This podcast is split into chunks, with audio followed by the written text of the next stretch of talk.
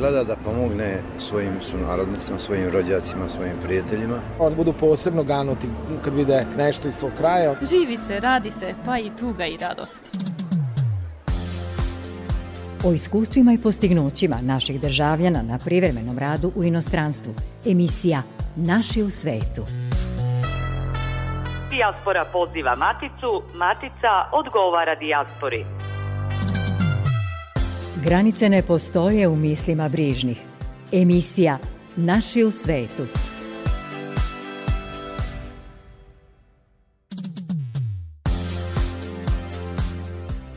veče, poštovani su narodnici širom sveta. Veliki pozdrav i za sve slušaoce u Srbiji.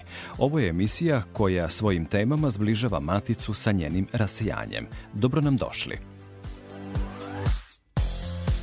U narednih 40 minuta vodimo vas pričom u našu dijasporu u Parizu, gde je na tradicionalan način obeležen Savindan.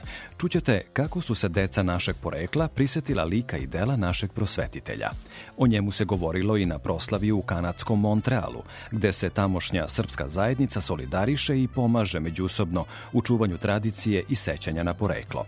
Prisetit ćemo se i priče o našim precima, internircima u Norveškoj, koji su bili tema konferencije u Oslu koja je bila posvećena njihovoj žrtvi, ali i priči o prijateljstvu našeg i norveškog naroda. U Pekingu, gde se održavaju zimske olimpijske igre, nas će u svetu predstavljati takmičari u alpskom skijanju Nevena Ignjatović i Marko Vukićević. Želimo im puno uspeha. Svi događaje u rasejanju, baš kao i u matici, održavaju se uz poštovanje epidemijskih mera koje važe u zemljama gde se ljudi našeg porekla sastaju.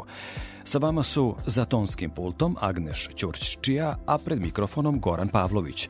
Budite uz nas i saznajte koje su aktuelnosti obeležile prethodnih nedelju dana u dijaspori. U hramu Vaskrsenja gospodnjeg u Frankfurtu proslavljen je Sveti Sava, prvi srpski arhijepiskop. I u norveškom Oslu su učenici dopunske nastave na srpskom jeziku u tom gradu proslavili svoju školsku slavu uz prigodan program. Svečanom tonu Akademije u Frankfurtu doprinelo je i kazivanje poznatih stihova kao i izvođenje prigodnih pesama. Program je završen himnom Svetom Savi. Crkva je za sve mališane obezbedila poklon paketiće.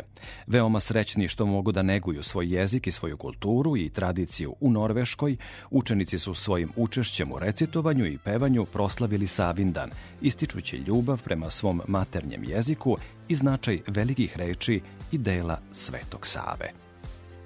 Istim putem u oba smera. Emisija Naši u svetu. Dečija Svetosavska akademija koja je održana u crkvi Svetog Save u Parizu okupila je decu našeg porekla u Francuskoj. Program posvećen našem prosvetitelju promoviše sećanje na poreklo naših ljudi koje je životni put odveo u Francusku, gde stasavaju nove generacije sunarodnika. O tome koliko je naša zajednica organizovana u toj zemlji i šta je još u nastavnom programu parohijske školice u Parizu, razgovaramo sa profesorkom srpskog jezika Ljubicom Burgić. Dobro vam veče, dobrodošli u program Radio Novog Sada, Ljubice. Dobro veče, dobro vas našla. Pozdrav svima koji slušaju vašu emisiju Naši u svetu. Naša emisija promoviše sve uspehe e, naših ljudi širom sveta. Sada smo na vezi sa vama u Parizu. Koliko dugo parohijska školica Sveti Sava postoji i koga sve okuplja u želji da se naši ljudi informišu i edukuju o dešavanjima vezanim za poreklo i za maticu?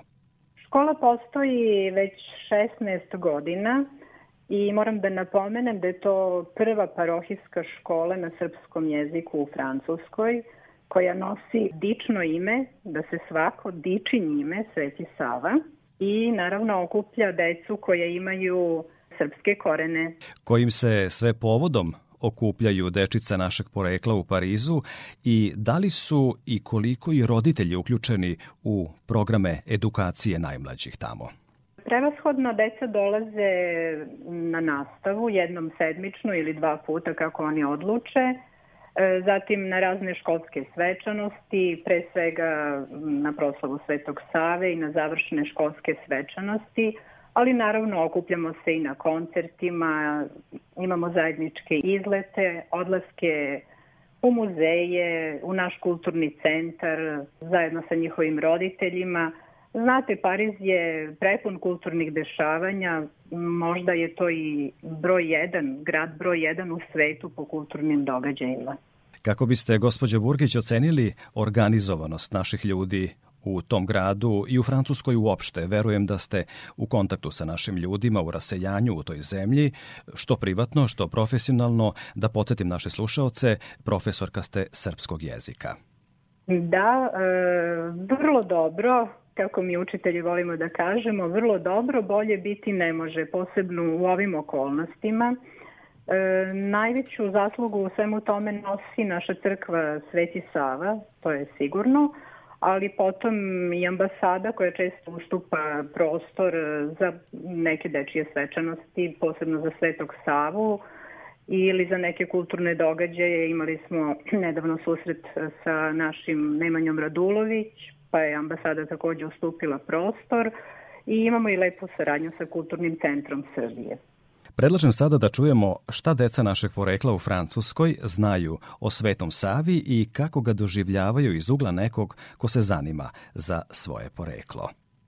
Kada surfi svuda slave, da gospodu zavedamo, da mu tvrdo obećamo, ići ćemo putem slavem, stari putem svetog save, žive ćemo u slozi, o gospode ti pomozi, sveti Sava, Mogao si vladar biti kojeg mu... E, Mogao si vladar biti vladarskog roda ti si i da vladaš srpskom zemljom. Mogao si, ali nisi. Rastao si sa knjigama na učovom perom dvoru. Zavoreo Boga ljude i sanjao svetu goru. E, Mogao si vladar biti kojeg mrze ili vole, ali ti si svome rodu otvarao crkve škole. Od danas se u srcima tvojom rozdeci javlja i pobožno svimaju peticu iz pravoslavlja. Sa nama je Ljubica Burgić, profesorka srpskog jezika u Parizu koja radi sa decom našeg porekla. Kada ste vi otišli u Francusku i koji je bio povod da se upustite u jednu takvu životnu i profesionalnu avanturu, Ljubice? Da, ja sam došla 2002. godine u službi Ministarstva prosvete kao profesor srpskog jezika i kasnije su se stekli uslovi, bilo je dosta đaka, tako da smo odlučili da osnovimo jednu školu pri crkvi Sveti Sava. E, imali smo blagoslov tadašnjeg episkopa Luke, koji je odnedavno počivši, i jednog vrlo poštovanog prote Nikole, koji i dan danas sarađuje sa nama, Oni su nam zaista ukazali veliku čast i kada imate takve gorosta se uz vas sve je lako. Znamo da su naše crkve širom sveta najčešća mesta okupljanja ljudi poreklom iz Srbije.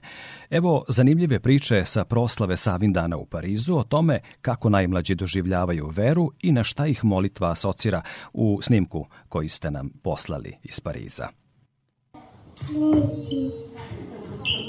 Molim te, Neću. Šta da radim? Sin neće da me sluša. Prekresti se. U ime Oca i Sina i Svetoga Duha. Amin. Koga si prvo spomenuo? Oca. Gde si stavio prste? Na pčelo. Jel ima li tu pamet? Ima. Posle oca, koga si pomenuo? Sina. Gde si stavio prste kad si pomenuo sina? Na trbu. Je li ima li tu pamet? Nema pamet. Pa kod koga je onda veća pamet? Kod oca ili kod sina? Kod oca. Eto vidiš, nesreći sine, sam si kazao da je otac veći sin, zašto je on sin drugi. On stariji, a sin mlađi. Zato svog oca trebaš da, po, e, da slušaš, poštuješ i ceneš, dok li je god živ, da i tebi posle mlađi poštuju i cene.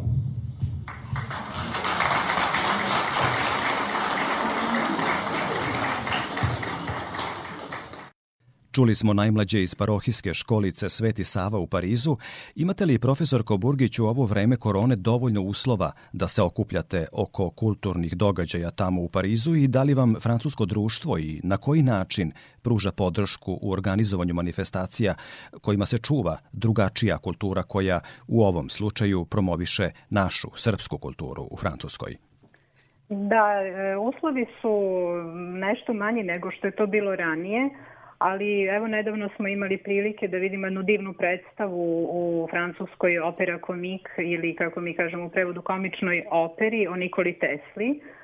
I naravno, Francuzi vrlo često hoće da izađu u susret ako, ih, eh, ako im to tražite zvanično, E, posebno imamo privilegiju da su roditelji mnogih đaka mm, zaposleni u važnim francuskim institucijama, tako da imamo neki lakši pristup kada tražimo određeni prostor ili kad, kada ih se zamolimo da nam učine neku uslugu. I u razvijenoj Francuskoj praktično neophodno je lobiranje kako bi se određene manifestacije i realizovale. Pa da, da biste dobili neki lepši prostor, ako imate neko ko radi u Francuskom ministarstvu kulture, onda sigurno je to lakše, ali naravno prilično su to legalne stvari, tako da mm, ne znam da li je to lobiranje, ali sigurno nam je prosto m, mm, sugestija ili neki predlog njihov, ove, ovaj, lakše dođemo do tih prostora. Kažete da u francuskim institucijama praktično ima dosta e, ljudi našeg porekla. Šta je neophodno da bi se čovek sa ovih prostora, dakle poreklom iz Srbije, adaptirao u Francuskoj? Jesu li oni mnogo zahtevni kako bi vam dozvolili recimo da radite u jednoj reprezentativnoj instituciji jedne tako razvijene zemlje kao što je Francuska? Da, lepo pitanje. Znate, uglavnom su to ljudi koji su ovde završili svoje škole i završili fakultet ovde. Tako da, evo, nedavno sam videla da imamo i u njihovoj e, jednoj političkoj stranci e, izvesnog Aleksandra Nikolića koji je e, visoko pozicionirani političar, ali ja nisam nikada imala susret sa njim, ali pretpostavljam da dobro govori i srpski jezik Međutim, to je francuski đak, znate, tako da, da to što ste sačuvali vaše ime i prezime ne znači uvek ni da ti ljudi možda čak ni ne govore srpski, a vole Srbiju, e, što nije redak slučaj i napomenula bih da sam ja na fakultetu ovde takođe imala jednog profesora koji je nosio čisto srpsko ime i prezime, koji je vrlo malo govorio srpski jezik, ali sa predavanja uh, Istoriju je predavao, sva predavanja su bila na francuskom jeziku i uvek je stidljivo govorio srpski jezik, što znači da mi imamo takvih ljudi, ali oni su najčešće francuski džaci. Dobro, zato su školice našeg jezika tamo sve prisutne kako bar e, najmlađe generacije ne bi zaboravile sobstveni jezik i hvala vam što učestvujete u toj misiji širenja našeg jezika i edukacije najmlađih našeg porekla u Francuskoj. Koliko ste često, gospođo Burgić, u mislima u Srbiji? Dolazite li ovamo? Imali se vremena za posetu i obilazak najmilijih u Srbiji? Dolazim e, možda dva puta godišnje, a u mislima sam vrlo često, to je zaista jedno neprestano da. prožimanje, dve kulture, dva jezika, posebno što je to i moj posao. Znači čuvamo svoj jezik, obogaćujemo ga, ali naravno moramo i da osvajamo ovaj jezik zemlje u kojoj živimo. Dugo ste u Francuskoj, kažete, bezmalo 20 godina. Kako biste vi iz perspektive nekoga koje je dve decenije na tim prostorima ocenili položaj naše zajednice u toj zemlji?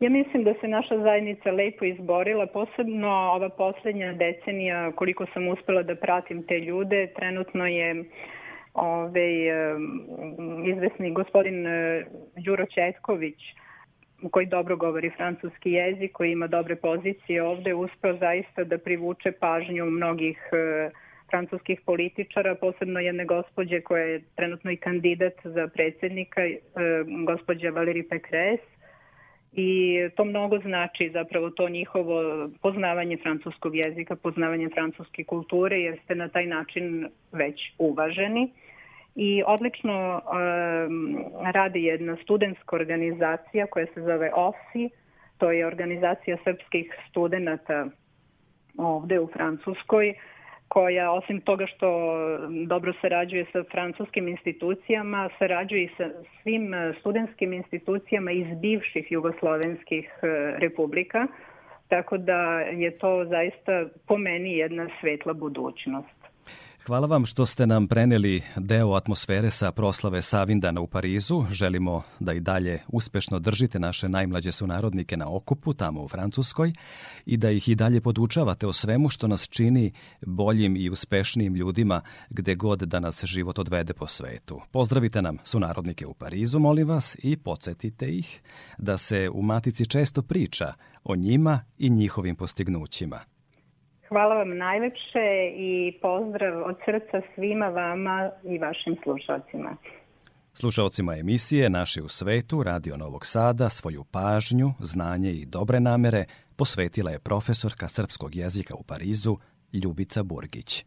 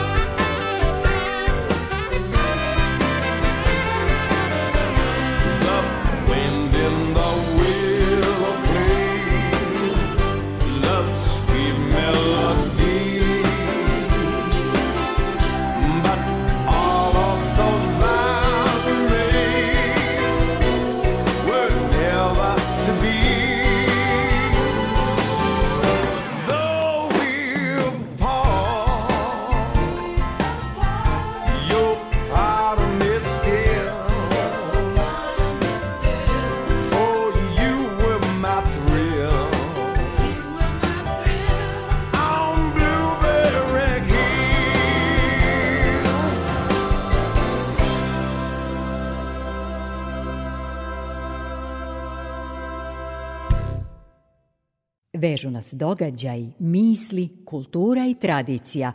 Emisija Naši u svetu.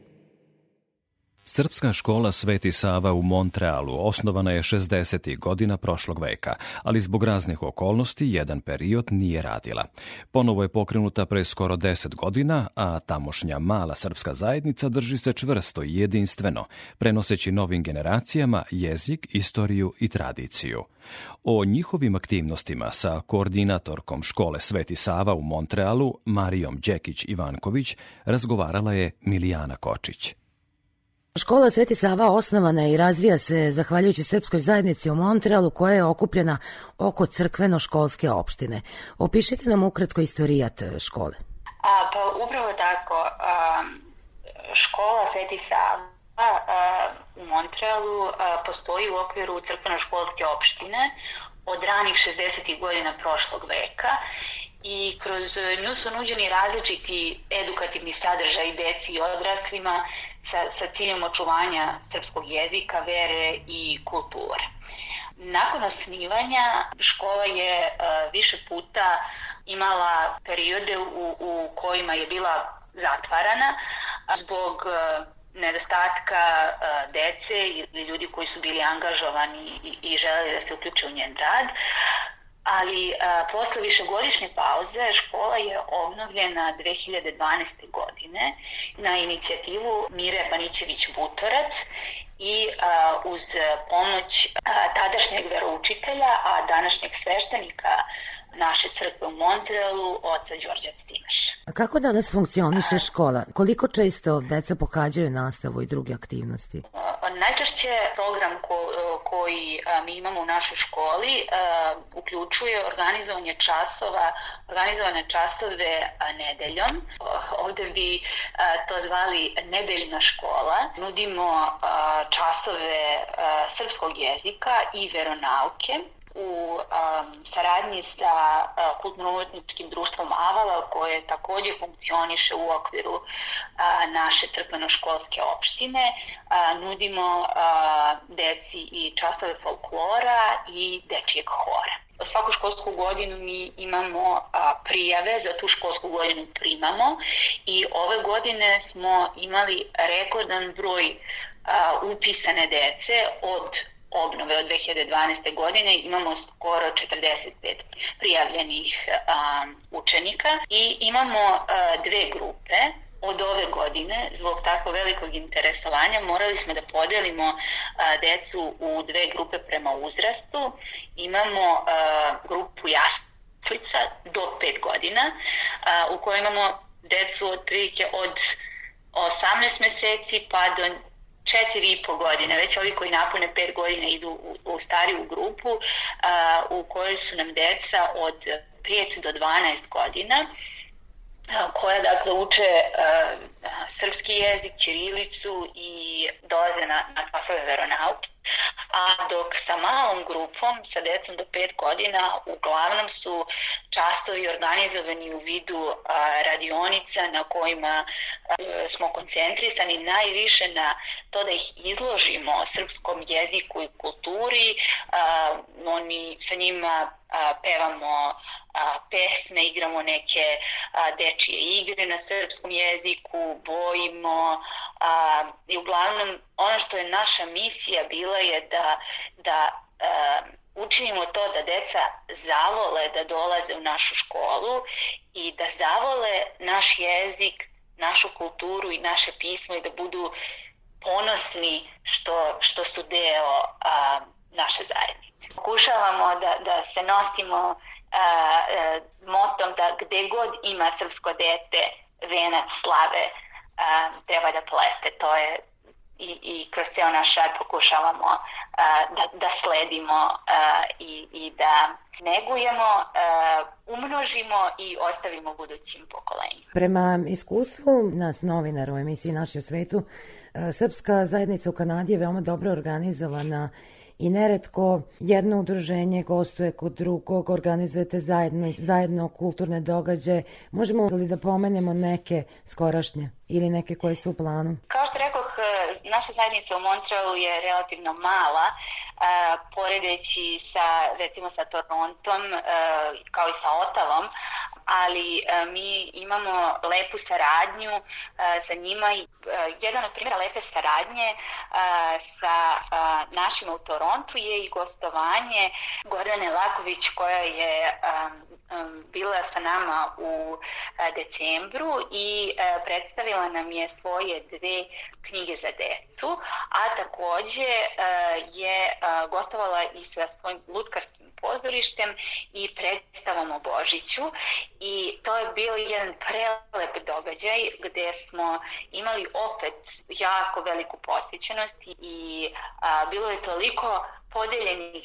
zagrljaja u toku i, i nakon te radionice da verujem da je to samo prva od mnogih budućih a, lepih saradnji a, sa, sa njom i, i sa drugim e, organizacijama i, i ljudima e, širom Kanade. Ali i u Matici. Kakva je vaša saradnja sa Maticom? Osjećate li, e, da kažem, brigu Matice o, o vašoj zajednici? Da, jedna od stvari koja, koja nam pomaže da i u nekim teškim trenucima istrajemo pored osmeha i, i želje naših učenika da dolaze. Tu je upravo i to što je naš rad i, i kvalitet prepoznat i podržan od strane Kancelarije za dijasporu, Ministarstva spoljnih poslova, sa kojima zaista imamo divnu saradnju i koji ne samo da su podržali i e, naš prvi projekat Jezikove, jedan, nego su nas ohrabrili da nastavljamo dalje i, i da a, razvijamo i dalje našu školu i, i našu biblioteku. Imamo a, e, divnu saradnju i sa kolom srpskih sestara koje našu decu nakon časova obraduju krofnama ili nekim kolačima, a, e, zatim sa a, e, a, e, različitim sekcijama u okviru naše crkveno-školske e, opštine i a, ja sam zaista presrećna što imamo takvu podršku i od, a, od strane roditelja koji dovode decu sa velike udaljenosti. Znate, kad neko sedne u, u auto na temperaturi od minus 20 i vozi sat vremena da bi doveo decu na časove, to je velika posvećenost nama mnogo znači uh, da, jer ne bismo mi mogli to da radimo da nema roditelja, baka, deka koji dovode svoju decu, unuke u, u našu školu i zajedničkim snagama nam pomažu da negujemo našu kulturu i tradiciju i da ne zaborave ko su i odakle su. Emisija Naši u svetu. U Norveškoj je 2. februara održana konferencija povodom 80 godina od dolaska prvih interniraca sa ovih prostora u nacističke logore tada okupirane Norveške. Organizatori su bili Savez srpskih udruženja u Norveškoj i Fondacija kultura sećanja. Među učesnicima konferencije bio je i Saša Dimitrijević, dugogodišnji dopisnik Radio Beograda iz Osla. Saša je autor knjige Varden, koja govori o sudbini interniranih Jugoslovena u periodu od 1940 42. do 45. godine. Većinu zarobljenika, 90%, činili su Srbi. Sa Sašom Dimitrijevićem razgovara Gordana Gligorić, urednica emisije Večeras zajedno, emisija sa kojom razmenjujemo priloge o dijaspori Radio Beograda 1, koja na tim talasima počinje u 21 čas. Saša, dobroveče. Dobroveče. Podsjetite najpre mlađe slušaoce emisije koliko je bilo interniraca sa ovih prostora i koliko je njih ostavilo svoj život na tlu Norveške. Ta brojka je relativna otkad je prvi put saopštena, međutim, ono što je pouzdanije, ono što ja koristim evo i u ovom razgovoru, to je posljednje istraživanje istoričara pri Narvik centru, to je mirovni centar u Severnoj Norveškoj, Mikaela Stokija, i ta brojka jednostavno po njegovim istraživanjima iznosi ukupno, ali pazite, ukupno objasnit ću šta to znači, 4346. Od toga, i to je ta brojka za koju se vi interesujete, 4049 interniraca na prinudnom radu, a onih 297, oni su bili radnici po ugovoru.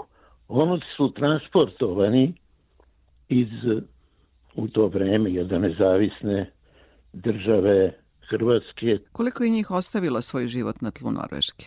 Ta brojka iznosi 2000, znači više od polovine, 841 žrtva. Najsurovije je bilo tamo severnije ili najsevernije gde su bili naši u pet logora pod SS-ovcima kad kažem pod SS-ovcima, to podrazumeva period do aprila 43. do početka aprila, onda je logore preuzeo Wehrmacht i situacija se promenila. Dotad su naši internici bili partizanski banditi, nisu imali status ratnih zarobljenika kao, na primer, sovjetski ratni zarobljenici ili drugi bilo iz drugih nacija i tu je ta naglašena razlika. Međutim, taj period, pogotovo na krvavim putevima, jer krvavi put je postao opšti pojam stradanja, taj procenat je u ponekim logorima u jednom najsrovijem procenat smrtnosti je bio 80% u Bajsviuru i Evre Jervanu, to su dva logora na severu Norveške. Nisu najsevernije, najsevernije rogo bio u Karašoku, koji je takođe bio logor smrti, tu je od nepunih 400 stradalo nepunih 300. Zarobljenici internirani u Norvešku radili su u izrazito nehumanim uslovima teške poslove, gradili su puteve i pruge. Gde je bilo najteže? Najteže je bilo upravo na krvim putevima. Četiri su krvava puta najsurovije je bilo, tu se najviše istradalo. Ako krenemo duž Norveške, uz Norvešku, prvi krvavi put je od Korgena do Usena, pa onda drugi krvavi put, druga deonica od Roglana, to je već nešto severnije, preko severnog polarnog kruga do Langseta. Treća deonica je Boten, Sadel, pa onda još severnije Narvik od Treodala do švedske granice i najseverniji krvavi put je od Karašoka do finske granice. Tragičnu sudbinu uglavnom srpskih interniraca, jer oni su činili 90% zarobljenika upućenih u nemačke logore u okupiranoj Norveškoj, Saša je opisao u knjizi Varden koji je objavio pre dve godine i koja se upravo uz dopune prevodi na norveški jezik. U knjizi se priča i o velikoj humanosti norveških ljudi koji su mnogim internircima pomogli da prežive. Prilika je Saša da nas i ovom prilikom upoznate s nekim dobrim ljudima koje ne smemo da zaboravimo kada god govorimo o srpsko-norveškom prijateljstvu koje je tada utemeljeno. Te priče su nevjerovatne. Zadatak, zadatak i Nobelovcu da ih izmisli ne bi uspeo. Zamislite vi usred rata, usred okupirane Norveške. Norvežani podižu, oni su to nazvali Seber Hita, u toplijem prevodu srpsku kuću da prihvate, naravno to da rade u planini skrobito, u narvećoj postoji tajnosti, da bi prihvatili begunce iz logora. Oni svoje živote na taj način ugrožavaju, žrtvuju. To je samo jedan primjer iz srednje Norveške. Drugih primjera ima upravo sa biguncima koje su prihvatali na tom njihovom putu bekstva i neizvesnosti i dovodili neke čak do same švedske granice. Švedska je bila neutralna, da na to podsjetimo i tamo su u pokušaju bekstva učestvovali oko 180 naših, uspelo je polovina, 50%. Drugi su stradali tim povodom. Međutim, najstravičniji, kad govorimo o stradanjima, najstravičnija brojka je upravo u Bajsfjuru. Od 900 za vrlo kratko vreme, nekoliko meseci, stradalo je život i izgubilo 748. Jedan norveški učitelj, bio je novinario je takođe, koji je prebegao u Švedsku, on je vest o toj to je logor najgori od najgorih. Upoređuje se i sa logorima u Nemačkoj kakvih po tom procentu stradanja možda i nije bilo, kad kažem, ja to citiram, profesore istorije s univerziteta u Oslu, istraživače, znači ja to ne saopštavam ono što ja mislim o tome i do čega sam ja došao. E, na tom putu stradanja Norvežani su i tekako pomagali. Nekima je posvetila, na primjer, devojčici iz Rognana, devojčici u to vreme, Karim Jelde, svoje reči i Desanka Maksimović koja je boravila u Norveškoj 1976. i otuda njena zbirka pesama pesme iz Norveške. Mislim, primjeri koji sam nao nisu jedini. Kako krenete duž Norveške, od logora do logora, vi ćete naći uvek ne jednog, nego više Norvežana koji su pomagali. Moj prvi susret sa jednim od njih bio je 1974. u Korgenu. On se zove Benon i Manson, danas nije živ. On je bio radnik i oni su norveški radnici u, u, na radilištima. On je, bio, on je pomagao našim internicima i bio zbog toga i uhapšen, uhapšen i proteran u kažnjenički logor Farstad. Kad kažem Farstad, tamo je bilo naših 82 naša internica. Ubijeno ih je u šumi smrti 74. 74, koji je to procenat? Pre nego što se zahvalim Saši za uključenje iz Norveške o konferenciji o našim internircima u toj zemlji, da čujemo i kako izgleda svakodnevni život Norvežana ovih dana. Imali zime, Saša i naravno imali korone. Korone ima, ali ima i discipline, moram reći. Ovde nema demonstracija antivakciniranih. Ne antivakciniranih, kako se zove, ne, ne drugačije se zove, antivaksera. Poštuju se, ima novih upozorenja, naravno povećava se broj zaraženih i pored toga nema neke upaničenosti. Ja ne znam kako bi se ponašao da sam u Srbiji, ovde sam ja vrlo disciplinovan iako je prazan voz, uđemo u voz, na primjer, ja držim masku jer piše upozorenje kad ulazite u voz, stavite masku. To su neke od, međutim, dežurne teme u svim medijima, na televiziji posebno, govore, svi govore, i lekari, i predstavnici raznih službi za zaštitu zdravlja, to su uglavnom eh, nacionalne institucije na najvišem nivou, E da te neke konfuzije od toga špricati se, ne špricati se, pa ja im nešto ne osjećam i ne vidim.